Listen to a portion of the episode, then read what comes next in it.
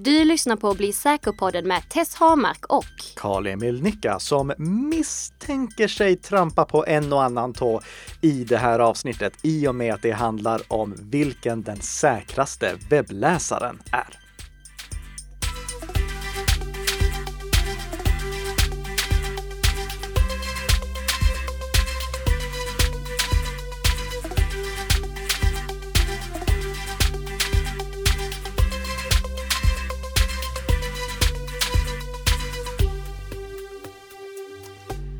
Ja, god morgon Tess! God morgon, god morgon! Jag eh, tror att vi kan få eh, lite kommentarer på det här avsnittet faktiskt. Eh, för jag har märkt att det här med val av webbläsare, det har nästan lite religiösa tendenser över sig. Jo, men det är ju ett ganska känsligt ämne faktiskt. Ja, konstigt nog att en sån sak som webbläsare kan röra upp känslor på det viset. Men, om du har några kommentarer till det här avsnittet så är det bara att höra av dig. Du når ju antingen Nika Systems eller Bredband2 i alla sociala medier och det är ju vi som tillsammans producerar den här podden för att varje vecka göra dig lite säkrare.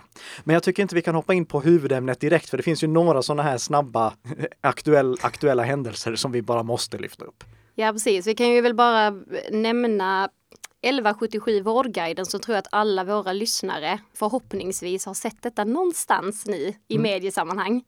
Eh, det var ju nämligen så att under måndagen så avslöjade nättidningen Computer Sweden att miljontals samtal till 1177 Vårdguiden som då har tagits emot av sjukvårdsrådgivningsföretaget Medical eh, att eh, det har legat eh, öppna ljudfiler på en oskyddad webbserver. Och har du någon kommentar på detta Nika?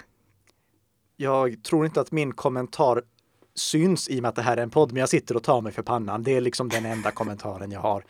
Det, det, det, här är fel på så många sätt så att jag, jag, vet, jag, vet, faktiskt inte vad jag ska säga. Och det finns, i, i den här podden finns det i och för sig inte så mycket heller som vi kan tillföra för att vi fokuserar ju framförallt på hur man som användare gör sig säker och som slutanvändare, alltså användare av 1177 Vårdguiden, så har man ju inte gjort något fel. Det, du som ringer dit kan ju inte göra något åt att en eh, underleverantör begår typ alla fel man kan begå. Mm. Ehm, så nej, det, läs jättegärna eh, Computer Swedens artikel om det. Det, det var, ett, eh, det, var välskrivet och eh, det var bra undersökt. Så hatten av till dem. Läs deras genomgång och ta dig för pannan. Mm, precis. Och sen har vi då Wall Street Journal som har rapporterat om brister i lösenordshanterare, vilket gör en kanske lite svettigt här eftersom vårt förra avsnitt handlade om just lösenordshanterare. Nej, det blir inte svettigt alls. Nej. Faktiskt. Det, eh, när jag såg rubrikerna när jag vaknade i morse, eh, då, då funderade jag, oj vad har hänt nu? Eh, men eh, jag har läst igenom Wall Street Journals artikel och jag har läst igenom rapporten som Wall Street Journal hänvisar till och jag kan konstatera att det som eh, de här säkerhetsforskarna på Independent Security Evaluators har upptäckt, det är inte bra, men det är absolut ingen kris.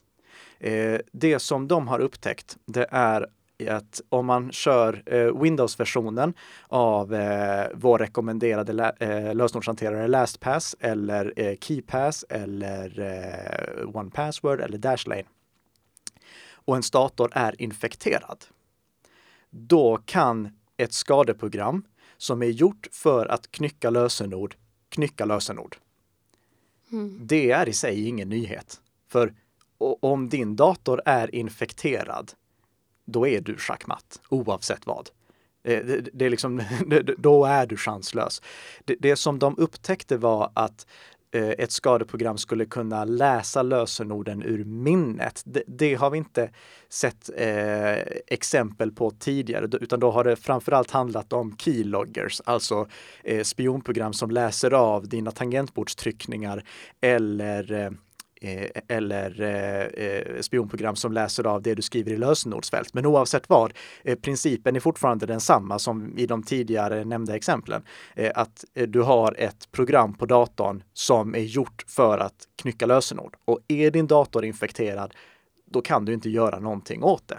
Eh, du, du, måste hålla din dator säker för att du ska kunna använda den på ett säkert sätt. En lösenordshanterare är liksom inget guldspö som, eh, guldspö, trollspö, eh, som eh, fixar alla säkerhetsproblem i världen. Det, det fixar ett säkerhetsproblem, men du måste fortfarande hålla din dator uppdaterad och fri från skadeprogram för att den ska vara säker i sig. Och vi kan väl också nämna att eh, de som skrev den här rapporten, de håller definitivt med om det. Eh, de rekommenderar att du fortfarande använder en lösenordshanterare. Eh, I inledningen av artikeln så står det så här, jag ska se om jag hittar det. First and foremost, password managers are a good thing. All password managers we have examined add value to the security posture of secrets management. And as Troy Hunt, an active security researcher, once wrote, password managers don't have to be perfect. They just have to be better than not having one. Och det håller jag absolut med om. Så eh, jag kommer att eh, skriva en liten artikel också om det här bara för att kommentera situationen. Men den, eh, deras upptäckter ändrar inte min rekommendation av att använda en lösenordshanterare. Och LastPass gjorde precis som de brukar göra. De svarade på det och gick ut med att vi kommer att fixa de här sakerna i en kommande uppdatering under den kommande veckan. Så eh, hatten av. Det här är jättebra undersökt. Det är fantastiskt bra att det finns de som testar att bryta sig in i lösenordshanterare och hitta säkerhetsbrister. Just den här säkerhetsbristen, det var mer bara slarv, eh, inte någonting som eh, vi behöver oroa oss för. Mm, så du som lyssnar kan alltså med gott samvete sprida vidare vårt avsnitt förra veckan? Absolut. Ja. Ehm, vi på Breven 2 skrev eh, en eh, text under veckans gång om eh, hur säkert det är att koppla upp sig till publika wifi. Och det finns ju två primära risker då och det är ju framförallt att anslutningarna kan kapas, vilket innebär att angripare kan styra om trafiken så att den går till en falsk webbplats och där kan de sen lura av dig på dina lösenord. Och för det andra så innebär det att personer som är fysiskt närvarande kan avlyssna trafiken. Mm. Det vill säga de som sitter där, alltså wifi-gäster och den som driver eh, wifi-nätverket kan se de webbplatser som man besöker och den information som man utbyter okrypterat. Eh, och ja, vad kan man göra åt detta då, Nika? Du som är, sitter på all visdom. Nej, men eh, det, det, just det där är, är lätt och det, det, tror jag eh, framgår i artikeln också. Och om du ansluter till ett publikt wifi så använder VPN-tjänst. Eh, eller låt bli att ansluta till ett publikt wifi. Men om du nu väl gör det så använder VPN-tjänst. Och jag är väldigt övertygad om att vi kommer till, att, eh, till eh, just ämnet VPN i ett kommande avsnitt. Mm. Eh, sen skrev ju Nika Systems eh, någonting om en nätfiskeruta som var väldigt smart ja. gjord. Eh, det var i måndags och jag, försöker ju varje år utse årets eh, bluffmakare. Eh, och jag tror att de här faktiskt så här, redan i början av året kan plocka det priset. För det här är den snyggaste nätfiskattacken jag har varit med om. Det är säkerhetsföretaget Myki, som för övrigt också gör en lösenordshanterare, som upptäckte att en nätfiskare kan skapa en webbsida, till exempel en nyhetssajt där besökarna ombeds logga in med Facebook. Och när besökaren trycker på logga in med Facebook, då dyker det upp en dialogruta där han eller hon ombeds ange sitt användarnamn och lösenord. Den dialogrutan har en adress som ligger på facebook.com, alltså rätt domän, och det är ett hänglås i adressfältet. Alltså precis de sakerna som man ska kontrollera. Mm. Men det är ingen riktig dialogruta, utan det är webbsidan som ritar någonting som ser identiskt ut med en dialogruta ovanpå sig. Så det, det, är inte webbläsaren som skickar upp en dialogruta, det, det är bara liksom en teckning med interaktiva fält som dyker upp på själva på, på, webb, eh, på webbsidan. Och man kan avslöja den här attacken genom att försöka dra den här dialogrutan utanför webbläsarfönstret. Det går inte eftersom det är webbsidan i sig som ritar upp den ovanpå sig.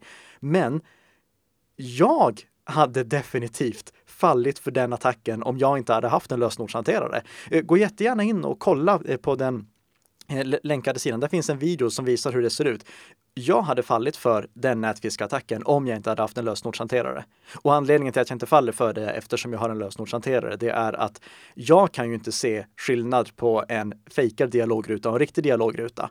Men min lösenordshanterare LastPass, den fyller bara i lösenord på den domänen som jag befinner mig på på riktigt. Så den har inget lösenord att fylla i. Så jag hade tack vare min lösenordshanterare skyddats mot den attacken. Men hade jag inte haft det, då hade jag faktiskt åkt dit. Mm. Kan jag erkänna. Så nu rekommenderar man också att börja dra i dialogrutorna helt enkelt? Eh, ja, eller skaffa en lösenordshanterare. Ja, absolut. det är ju... Ännu enklare så. Det är ännu enklare, exakt. Ja. Eh, men eh, ja, vi ska ju egentligen beröra ett annat ämne. Mm. Men eh, detta sker ju också i en webbläsare i och för sig. Men vi ska faktiskt prata om att hur man håller webbläsaren säker. Mm. Och detta grundar sig egentligen i förra veckans lyssnarfråga som kommer från Christer som undrar vilken är den säkraste webbläsaren och varför? Gäller samma tips både för dator och mobil tablet? Ja, och det är en jättebra fråga. Det, vilken webbläsare kör du? Jag kör Chrome. Vilken varför? kör du? Var, varför kör du det? Eh, nej men jag, jag använde Safari för att den fanns liksom som en, ja men den var redan in, förinstallerad tänkte jag säga, men mm. eh, i eh, MacOS då. Ja. Eh, och sen så fick jag lite hintar åt, från höger och vänster att jag skulle byta till Chrome. Så det gjorde jag. Och det har jag gjort för, det var ju nu kanske två år sedan eller något sånt. Mm. Så så började det. Okej. Okay. Uh, vad använde du innan du använde Safari eller har du alltid använt Safari? Jag har nog alltid använt Safari fast kanske Internet Explorer då i början. Mm. Eh, men det var ju som sagt, det var väldigt länge sedan. Ja. Vilken, vilken använder du? Um, om du får gissa, vad tror du? Jag skulle ju säga Chrome. ja, det, det, gör jag faktiskt. Och det gör ju merparten av alla svenskar. Ja, det stämmer. Vi har ju faktiskt lite statistik här från analysföretaget StatCounter Global Stats som är hämtad från januari 2019. Eh, och de har ju analyserat då vilka webbläsare som används mest i Sverige och hur den här fördelningen då ser ut. Eh, och det visar sig att 61 procent av svenskarna använder Chrome, 15 procent Safari, 9 procent Edge, 7 procent Firefox och 7 procent eh, Internet Explorer. Mm.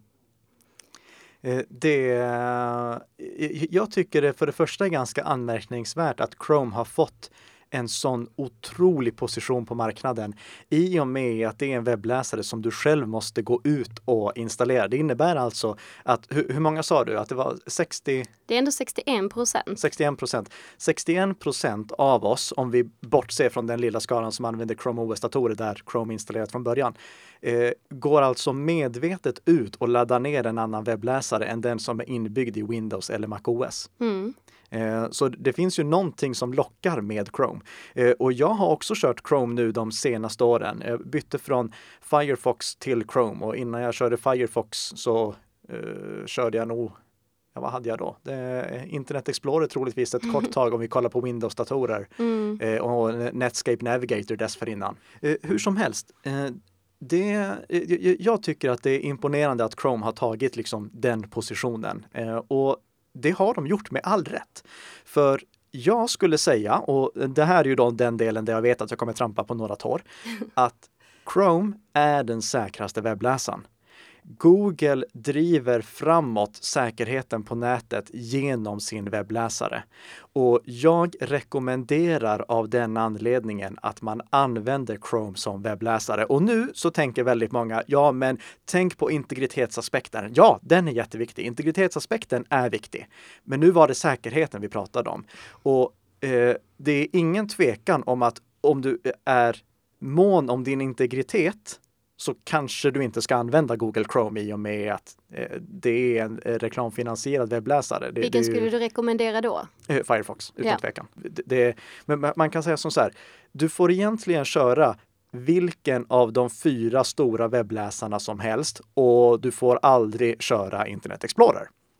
Eh, jag rekommenderar att du använder Chrome ur säkerhetsperspektiv. Du kan använda Firefox ur integritetsperspektiv eller så kan du använda eh, Mozilla Firefox, äh, äh, Apple Safari eller Microsoft Edge. Alla de är okej. Okay. Alla de är snabba, säkra, stabila webbläsare. Men varför är du så emot Internet Explorer? Internet Explorer är ingen webbläsare. Det, mm. Microsoft ser inte själva Microsoft äh, ser inte själva Internet Explorer som en webbläsare längre, utan Internet Explorer är bara en kompatibilitetslösning. Anledningen till att Windows 10 erbjuder både Microsoft Edge och Internet Explorer, det är mm. att Microsoft vill ha en modern webbläsare, vilket eh, Edge är. Det är en bra modern webbläsare. Eh, bra vet jag att det finns vissa som inte tycker att den är, men eh, oavsett vad, jag tycker att den är bra. Eh, den kommer troligtvis bli ännu bättre nu när de byter den underliggande motorn eh, till samma motor som för övrigt driver Chrome. Men Edge är en modern webbläsare som är säker. Internet Explorer är inte det och den kommer aldrig bli det igen. För Microsoft har bara behållit den av kompatibilitetsskäl eftersom Internet Explorer hittade på så många egna små hyss som inte gick eh, i linje med eh, alla andra webbläsare som fanns på Internet Explorers storhetstid. Så finns det många gamla system som rullar på företag som förlitar sig på Internet Explorer, som bara fungerar i Internet Explorer. Gamla webblösningar som borde ha slängts ut för många, många år sedan, men som än idag lever kvar. Mm. Och därför finns Internet Explorer som en kompatibilitetslösning. Men du ska aldrig någonsin använda den för att surfa på webben. Du ska bara använda Internet Explorer ifall du behöver köra någon sån här kompatibilitetskrävande webbtjänst. Om du behöver Internet Explorer, då ska du ha två webbläsare. En webbläsare som du använder när du gör dina ja, saker på internet och det kan då antingen vara Chrome, Firefox, eh, Safari eller Microsoft Edge. Och sen så har du Internet Explorer. Mm. Eh, Apple Safari kan du för övrigt inte längre ha på Windows. Det, de har slutat släppa den för Windows. Men eh, det, du får ha någon av de tre andra eh, och sen så får du ha Internet Explorer som bara ett komplement. Och då är det jätteviktigt att du kommer ihåg att den andra webbläsaren, Chrome, Firefox eller Edge, är standardwebbläsare så att du inte använder Internet Explorer som din standardwebbläsare. Mm. Men vad, vad, är det som, alltså vad finns det för risker då med de här webbläsarna? Eh, riskerna med, om vi börjar med, eh, micro, eh, med Internet Explorer, det är att det fortfarande stöder massa gamla plugins som är utdaterade och inte underhållna. Eh, det stöder massa gamla tekniker som är nedlagda och det är just därför den inte kan bli säker. Microsoft behåller webbläsaren för att upprätthålla kompatibiliteten, men det, det sker då på bekostnad av att den aldrig kan bli säker. Så det är bara en kompatibilitetslösning. När vi sen ser de andra webbläsarna, då måste man tänka på att idag är webbläsaren i princip ett litet operativsystem i själv. Vi kan, vi kan ju göra nästan allting i webbläsaren. Webbläsaren mm. är där väldigt många av oss lever vårt liv. Vi kör eh, en webbversion av eh, Microsoft Word eller Google Docs. Eh, vi lyssnar mm. på podcast i vår webbläsare. Allting kan vi nästan göra i webbläsaren idag. Och det gör webbläsaren till någonting som är väldigt svårt att hålla säkert. Och det upptäcks hela tiden nya säkerhetsbrister i våra webbläsare. Jag tror att det är därför du märker att det dyker upp titt som tätt att nu behöver du starta om din webbläsare. Mm. Det är för att då finns det nya säkerhetsuppdateringar som behöver installeras. Och här är det verkligen helt rätt jobbat från eh, Googles och eh, eh, Mozillas front, alltså de som gör Firefox, mm. de pushar ut uppdateringar som du installerar vare sig du vill eller inte. Det är inte något prat om att okej, okay, men du kan välja när du vill installera det här, utan nej, nu tar du och uppdaterar, punkt slut, därmed basta. Eh, det är helt rätt stil för att man ska få det till att bli en säker webbläsare. Men om grunden inte är säker, då är det svårt att hålla webbläsaren säker trots att det kommer löpande uppdateringar. Och det som eh, Mozilla Firefox föll på för några år sedan, det var att de hamnade efter på säkerhetsfronten. Eh, de var eh, ja, de, de, hade inte en lika bra grund att stå på som Google Chrome hade. Nu har eh, Mozilla Firefox verkligen ryckt upp sig eh, och jag säger inte att jag inte kommer byta tillbaka till den. Det är mycket väl möjligt att jag kommer göra det inom kort.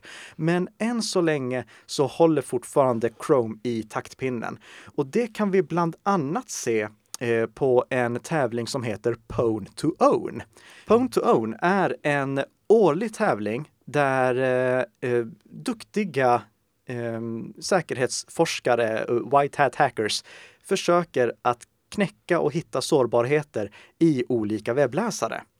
Och om vi backar tillbaka eh, till 2016 då fick inte ens Firefox vara med i den tävlingen för att det ansågs för enkelt att hitta säkerhetsbrister i Firefox. Oj. Så eh, då var bara Firefox konkurrenter med. Eh, 2017, då fick Firefox vara med igen, men Chrome var den tydliga vinnaren. 2018 så försöktes inte ens Chrome attackeras, men det hittade säkerhetsbrister i de andra. Och nu 2019, då är Firefox med igen, men om man kollar på prissumman så tjänar du mycket, mycket mer för att hitta sårbarheter i Chrome än att hitta sårbarheter i Firefox. Du får faktiskt dubbelt så mycket betalt för en sårbarhet i Chrome som du får för en sårbarhet i Firefox. Men det måste väl ha att göra med antal användare också? Absolut, det, antal användare spelar helt klart in i rollen där. Det, det är en delad del, äh, delad del. Det, det, det hänger på båda sakerna, både hur lätt det är att hitta säkerhetsbrister och hur eh, eh, hur pass många som använder det. Mm. Men här ser vi i alla fall att Firefox är på väg tillbaka, både ur säkerhetsperspektiv och ur prestandaperspektiv. De lanserade ju för eh, ja, några månader sedan Firefox Quantum, den senaste versionen av, eller den senaste stora revisionen av Firefox, eh, som också förbättrade prestandan något enormt. Så eh, det, det, är kul att se att Firefox är på väg tillbaka igen. Men än så länge är Google Chrome den säkraste webbläsaren i mina ögon. Men nu pratar jag alltså då om ren teknisk säkerhet. Jag pratar inte om integritetsaspekten. Mm. Men gäller detta tips då eh, både för dator och mobil? Det, det, det, här gäller för datorn. Allt det som jag har pratat om nu har varit för datorn. För det, det är på datorn som eh, du har den här stora valmöjligheten. V vad har du för mobiltelefon? iPhone. iPhone. Vad mm. kör du för webbläsare? Eh, där kör jag också Chrome. Det gör du? Ja. Men egentligen kör du, äh, egentligen kör du Safari? Precis. Eh, för eh, webbläsarna på iOS, oavsett om vi kollar på Chrome eller Firefox eller Edge så är alla de egentligen bara skal ovanpå Apples egen webbläsare Safari. Eh, du får fler funktioner om du använder Chrome till exempel. Då har mm. du möjlighet att synka bokmärken och du kan eh, synka vilka sidor du har öppna och liknande. Så det, det skiljer liksom i extra funktioner. Men baswebbläsaren, eh, den är Safari oavsett vad. Eh, så där spelar det inte så stor roll ur ett säkerhetsperspektiv vilken webbläsare du använder. Det, ta istället den som du föredrar rent allmänt bara. Mm. Kollar vi på Android så är det lite skillnad. Där är faktiskt Firefox en egen webbläsare medan eh, Chrome och Edge är Chrome i grund och botten.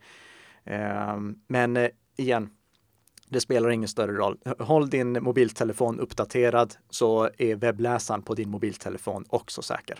Så det vi pratade om nu, det var desktop-webbläsarna, för det är där den stora skillnaden finns. Mm. Ja, har vi någonting mer som eh, vi vill tillägga här? Ja, om du nu, eh, eh eller egentligen, det spelar inte någon större roll vilken webbläsare du har ur ett säkerhetsperspektiv ifall du installerar massvis av tillägg. Mm. Och här, alltså, vissa personer som jag kommer till och ser deras webbläsare där de har liksom 30 tillägg installerade. Jag begriper inte dels vad de gör med alla tillägg, men också hur de tänker ur ett säkerhetsperspektiv. För vad står det varenda gång du installerar ett vanligt tillägg? Jo, det står det här tillägget kan ändra informationen på webbsidan. Ja, mm. om du installerar ett skadligt tillägg, då äventyrar du hela säkerheten i webbläsaren. Så var väldigt restriktiv med vilka tillägg som du installerar. Håll nere dem till ett minimum och installera bara tillägg från välkända, pålitliga tillverkare, inte någon annan. Vet du hur många tillägg du har i, i din webbläsare just nu? Ingen aning faktiskt. Nej. Eh, jag har tre. Du har tre? Ja, mm. tre. Det, jag det tror jag slår dig där faktiskt. Mm. jag inte, det, det är nog inte så positivt men... eh, tre stycken, det räcker för mig. Jag har försökt att minimera så att det är så få som möjligt för då minimerar jag attackytan. Jag minimerar mängden eh, sårbarheter som finns genom att hålla ner antalet tillägg. Jag säger absolut inte att du inte får ha fler än tre. Jag säger bara att fundera över alla tillägg du lägger till och gå igenom vilka tillägg du har installerat. Om du installerade ett tillägg för länge sedan och inte använder det längre, plocka då bort det. Försök att minimera antalet tillägg. Mm. Hur är det med eh, surfskydd? Eh, surfskydd är ett jättebra tillägg för att undvika att hamna på eh, sidor som är suspekta. Eh, många eh, klientskydd, populärt kallat antivirus, de har eh, surfskydd i sig som gör att eh, man får upp liksom lite små ikoner när eh, man eh, söker på Google eller på Bing eller man får upp en kompletterande varning som säger oj, den här webbsidan är farlig, du bör inte gå in på den. Eh, surfskydden finns redan inbyggda i Chrome och och eh, jag tror det finns inbyggd surfskydd i alla de här stora webbläsarna nu. Det finns definitivt i Chrome. Mm. Eh, så eh, du har redan ett grundläggande surfskydd och du har säkert sett det någon gång när du har gått in på en webbsida att det kommer upp en stor röd ruta som säger varning, här får du inte gå in för den här sidan sprider skadlig kod. Klientskyddstillverkarna, de har kompletterande surfskydd som kan göra de här eh, ja, egentligen, som gör det skyddet ännu bättre. Inte mm. någonting som du måste ha, men någonting som du kan ha för att höja säkerheten ytterligare. Men det var ju faktiskt någonting som jag testade idag. Mm. Eh, jag har ju F-Secure Safe nu på datorn. Ja. Eh, och då googlade jag på ett ställe då och när jag skulle klicka på den så kom det upp från F-Secure då och det är ingenting som Chrome tidigare har hojtat om. Nej, då, då har troligtvis F-Secure känt till att den sidan hade eh, något, eh, eh, antingen så kände de till någonting som eh, Chrome inte kände till mm. eller så hade Chrome tagit bort varningen men, eh, men F-Secure hade inte hunnit ta bort den än. Det kan ju vara båda alternativen. Yeah. Men det har troligtvis varit någonting eh, som har spridits, eh, det har spridits skadlig kod från den sidan och då eh, varnar Fa Facebook säger hela tiden F-Secure för att du inte ska gå in på den. Det kan, Facebook blir kanske nästa så här, skapa ett klientskydd. ja, Facebooks klientskydd hade jag då inte installerat på min dator. Eh, mm. Men med det sagt så hoppas jag att eh, vi har fått eh, utrett det här frågetecknet kring den säkraste webbläsaren. Och om det är så att du har någonting du vill tillföra till den här debatten så skriv jättegärna till oss i kommentarsfältet till det här poddavsnittet till exempel som vi publicerar på Facebook och på Twitter och lite andra ställen. Och du kan också höra av dig med dina egna frågor för frågan som vi tar upp som veckans lyssnarfråga den är förknippad med en liten belöning. Den som skickar in en en fråga som blir veckans lyssnarfråga får Bli säker-boken som tack för förslaget. Mm. Och jag kan starkt rekommendera den. Så det är värt att fråga. Ja, helt klart. Eh, så eh, Christer, en bok kommer till dig och till dig som lyssnar kommer ett nytt avsnitt nästa fredag. För då är vi tillbaka igen med Bli säker-podden som gör dig lite säkrare för varje vecka som går. Tack så mycket för att du har lyssnat. Hej hej!